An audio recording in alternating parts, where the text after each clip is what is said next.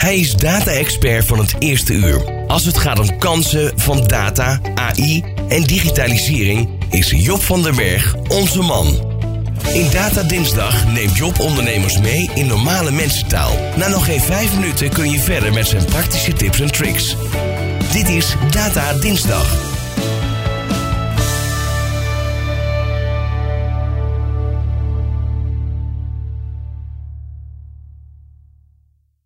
Afgelopen week gaf ik een presentatie aan een groep ondernemers, waarvan een groot deel een eigen advocaten- of accountantkantoor had. Toen ik vertelde over de ontwikkelingen op het gebied van kunstmatige intelligentie, waardoor taken geautomatiseerd kunnen worden, gebeurde er iets interessants in de zaal. De ene helft van de zaal schrok en werd stil. De andere helft werd enthousiast en wilde er meer over horen. Ik vertelde over de tool Do Not Pay, die geautomatiseerd consumenten kan helpen met allerhande juridische zaken. Zoals het terugvragen van je geld bij een geannuleerde vlucht of juridische hulp bij het aanvechten van een huurverhoging. Geen juridische steun van een mens, maar van een robot. Zo goed als gratis. De advocaten in de zaal voelden zich enigszins bedreigd door AI.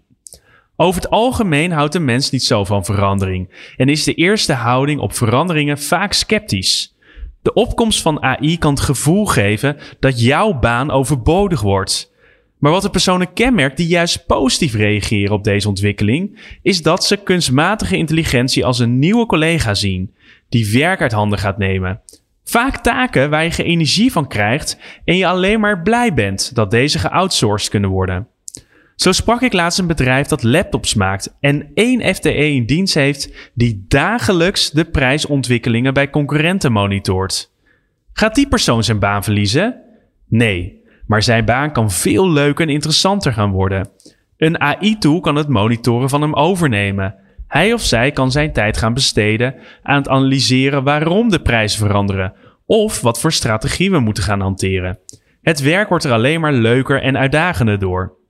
Het interessante is dat er in het verleden honderden beroepen zijn veranderd en veel interessanter en leuker zijn geworden door de komst van nieuwe technologie. Denk bijvoorbeeld aan de lampaansteker. Deze persoon moest letterlijk de lampen langs de straat aansteken. Toen er tijd waren dat nog kaarsen of olielampen.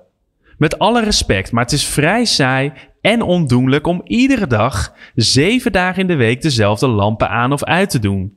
En dan moet je ook nog voorstellen dat er nog wel eens een kaars diep in de nacht uitging.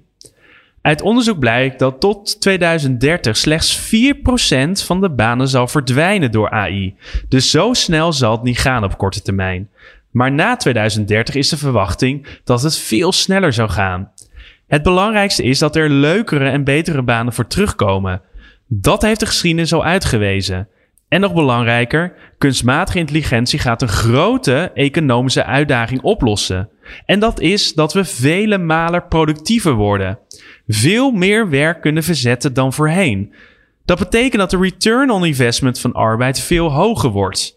Daarmee wordt het juist interessanter om niet robots, maar juist mensen in te zetten.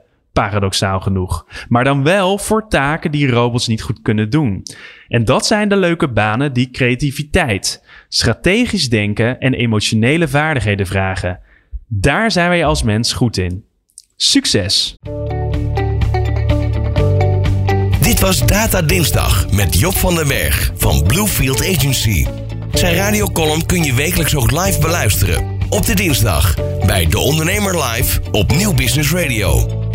Ben je nieuwsgierig naar ondernemersnieuws, maar dan op zijn Nico's? Luister dan de podcast Ondernemertjes. Met onze huiskolonist Nico Dijkshoorn.